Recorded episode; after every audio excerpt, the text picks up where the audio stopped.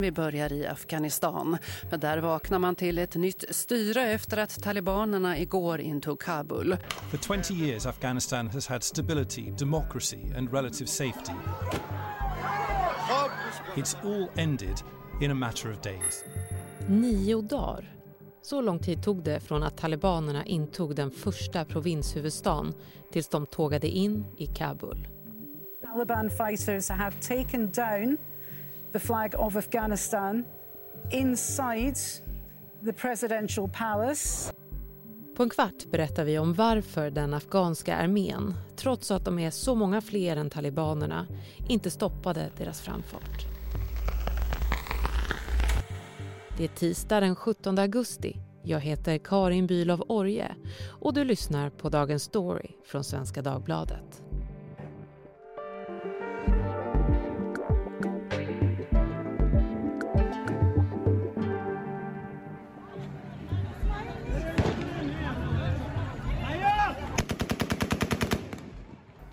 Jesper Sundén, Mellanösternanalytiker här på Svenskan. Vi talades ju vid här i podden så sent som i förra veckan. Då sa du att striden om Afghanistan inte var avgjord ännu. Sen gick det fort. Ja, det visade sig ju helt fel det jag sa, men eh, jag var i gott sällskap kan man ju säga. Varken eh, amerikanerna eller regeringen eller eh, experter och analytiker trodde att det skulle gå så fort.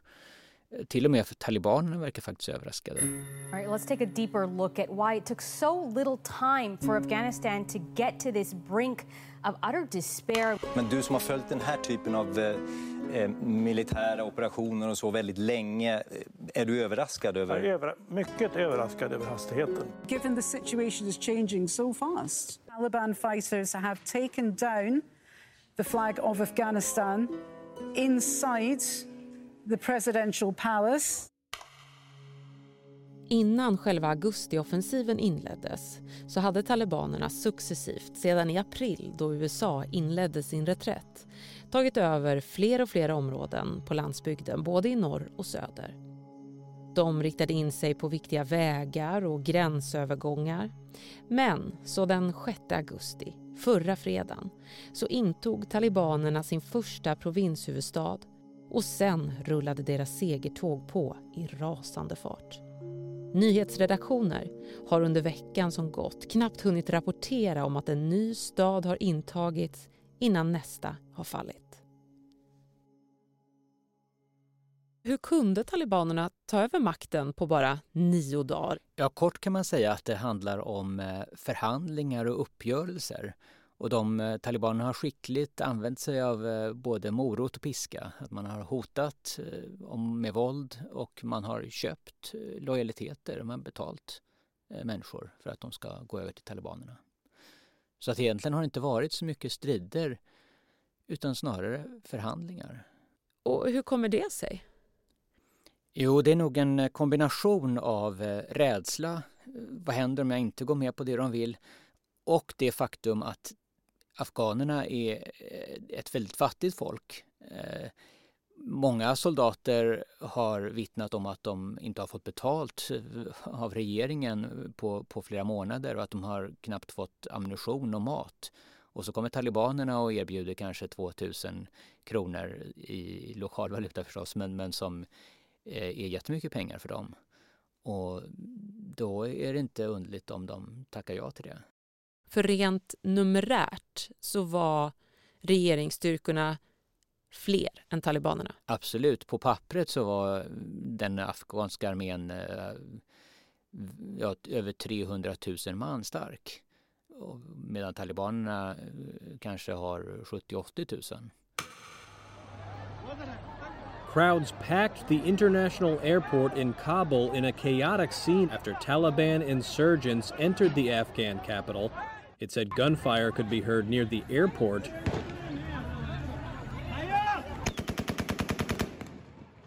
Det är eh, panik hos en stor del av befolkningen som ju inte vill något annat än att ta sig därifrån som fruktar för sina liv. Man kan se desperata scener från, från flygplatsen och, och från, från andra delar av staden Det råder skottlossning eh, sporadiskt här och var. Och man vet ju inte vilka det är som skjuter. Talibanerna har ju gått ut med dekret om att det, ska inte förekomma talibaner som tränger sig in i hem och är det så, de uppmanar befolkningen att låsa in sig och kommer någon som knackar på och kräver att få komma in och säger att de är talibaner så stämmer det inte. Så att, och det där vet man ju inte om det är sant. Det kan ju vara så att det är talibanerna säger en sak och sen så letar man samtidigt efter folk man vill mörda eh, som är misshagliga för dem. Och för det vet man ju också att det är journalister, det är presstalespersonen för, för reger, afghanska regeringen. Olika personer har mördats eh, och det kommer säkert att fortsätta. Samtidigt så är det nog så att eh, andra gangstergäng, plundrare, andra grupperingar passar på att eh, försöka ta vad de kommer åt eller, eller göra upp räkningen med, med någon som de har en konflikt med.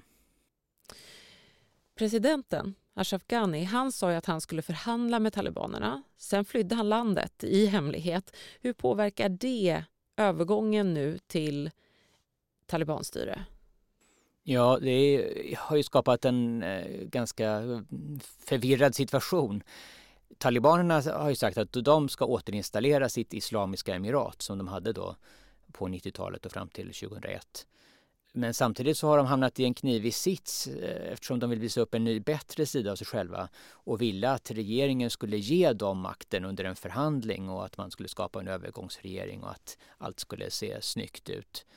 Eh, men nu när presidenten Ashraf Ghani, eh, som också är regeringschef och överbefälhavare och har egentligen all makt samlad hos sig så när han schappade så vet de inte riktigt hur de ska hantera det här.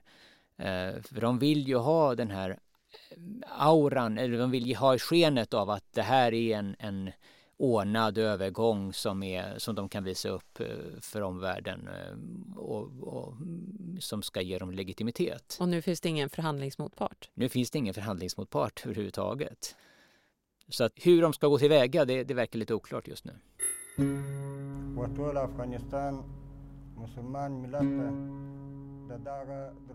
We congratulate the great victory to the whole Afghan nation.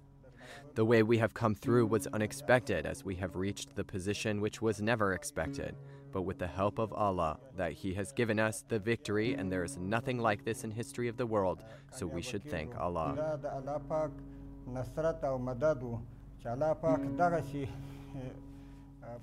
Men vem eller vilka styr talibanerna idag och vad vet vi om dem?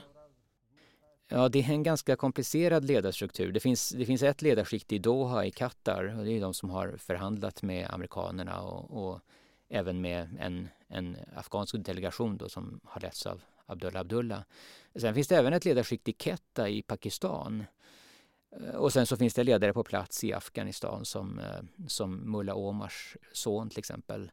Så att det, det, finns, det finns olika eh, viljor inom talibanerna och eh, eh, det, är, det är ju inte säkert, det vet man inte vad, vilken, vilken som kommer att bli dominerande.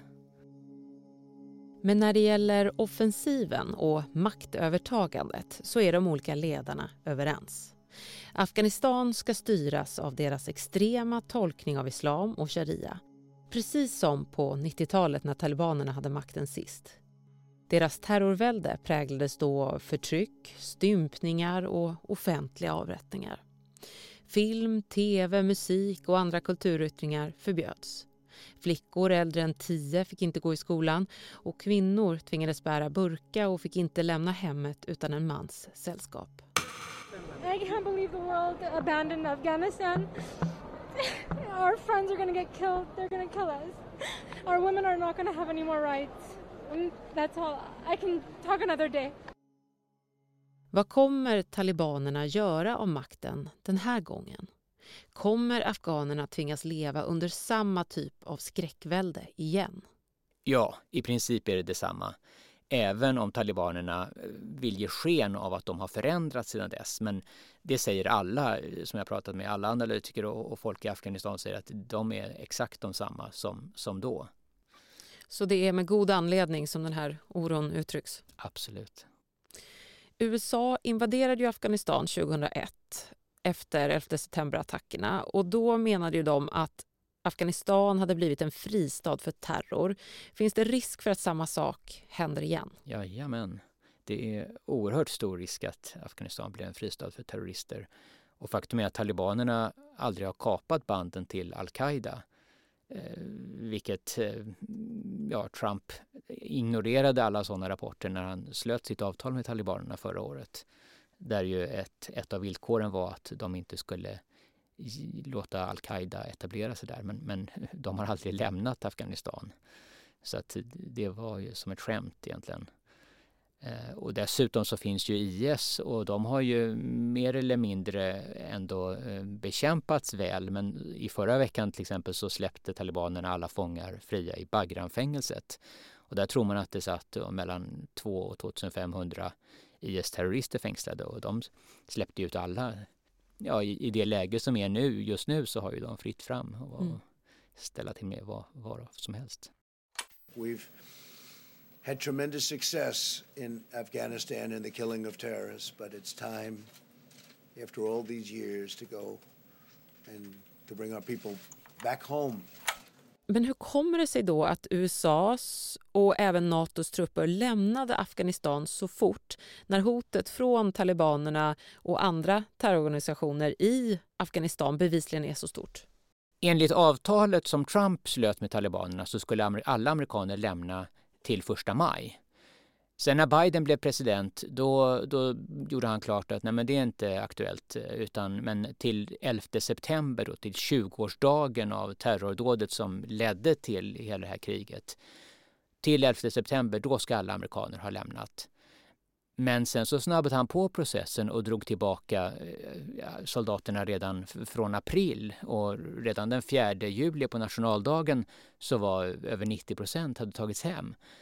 Och det får man nog säga var ett stort misstag för att det här var ju, det är sommaren som är den stora liksom, krigs... Det, det, då är det bäst förhållanden för att bedriva krig och offensiv. Och på vintern och när regnperioden kommer då är det jättesvårt. Så det här var ju ett stort misstag. Och i USA får ju nu Joe Biden skarp kritik från flera republikaner som kallar det här för ett av de största nederlagen i USAs historia. Detta trots då, precis som du säger, att det var Trump som var den som inledde de här förhandlingarna med talibanerna. Ja, ja, det är ju komiskt bara. Alltså, om det var ett misstag att dra tillbaka så snabbt så, jag menar, Trump hade ju velat ta hem alla till, till maj. Det är ju ännu tidigare. Biden gör ju bara det som Donald Trump eh, kom överens med talibanerna om. Eh, och det avtal som Trump slöt med talibanerna krävde ju inte att det skulle ha blivit fred eller en klar överenskommelse mellan regeringen och talibanerna innan USA drog hem trupperna. Och det är ju också eh, ett, ett grundproblem med hela den här eh, uppgörelsen. Hade det varit ett villkor för tillbakadragandet att det skulle finnas en färdig lösning innan soldaterna togs hem, då hade ju talibanerna haft en större motivation att komma överens med regeringen. Å andra sidan så är det inte bara talibanerna som har varit motvilliga om att komma överens. Även president Khani har inte, han har inte heller visat någon större vilja att komma överens. Han har varit mer eh, upptagen av att bevara sin egen makt.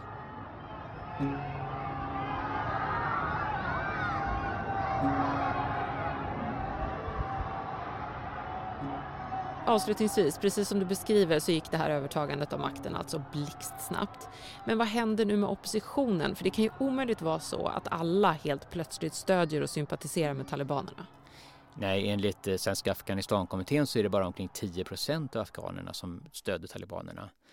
Eh, så att, eh, ja, det innebär att det är förmodligen över 30 miljoner afghaner som just nu är oerhört rädda och osäkra inför vad, vad ett framtida styre under dem kommer att föra med sig. Men oppositionen ligger väldigt lågt just nu. Och de som är aktiva, de är ju fullt sysselsatta med att försöka ta sig ut ur Afghanistan. Att fly på något sätt. Eh, och det är ju oerhört svårt nu när talibanerna kontrollerar alla gränsstationer. Och det är egentligen bara via flyget, eh, via luften man kan komma ut. Och det är därför vi ser de här desperata scenerna också. Och Jesper, du fortsätter att eh, bevaka och eh, kommentera, analysera läget i Afghanistan på svd.se och i tidningen. Ja. Tack för att du var med i Dagens Story. Tack själv.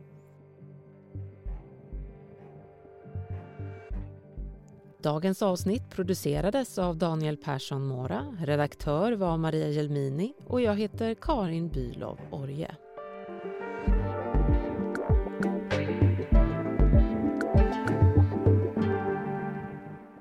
Du har lyssnat till Dagens Story från Svenska Dagbladet.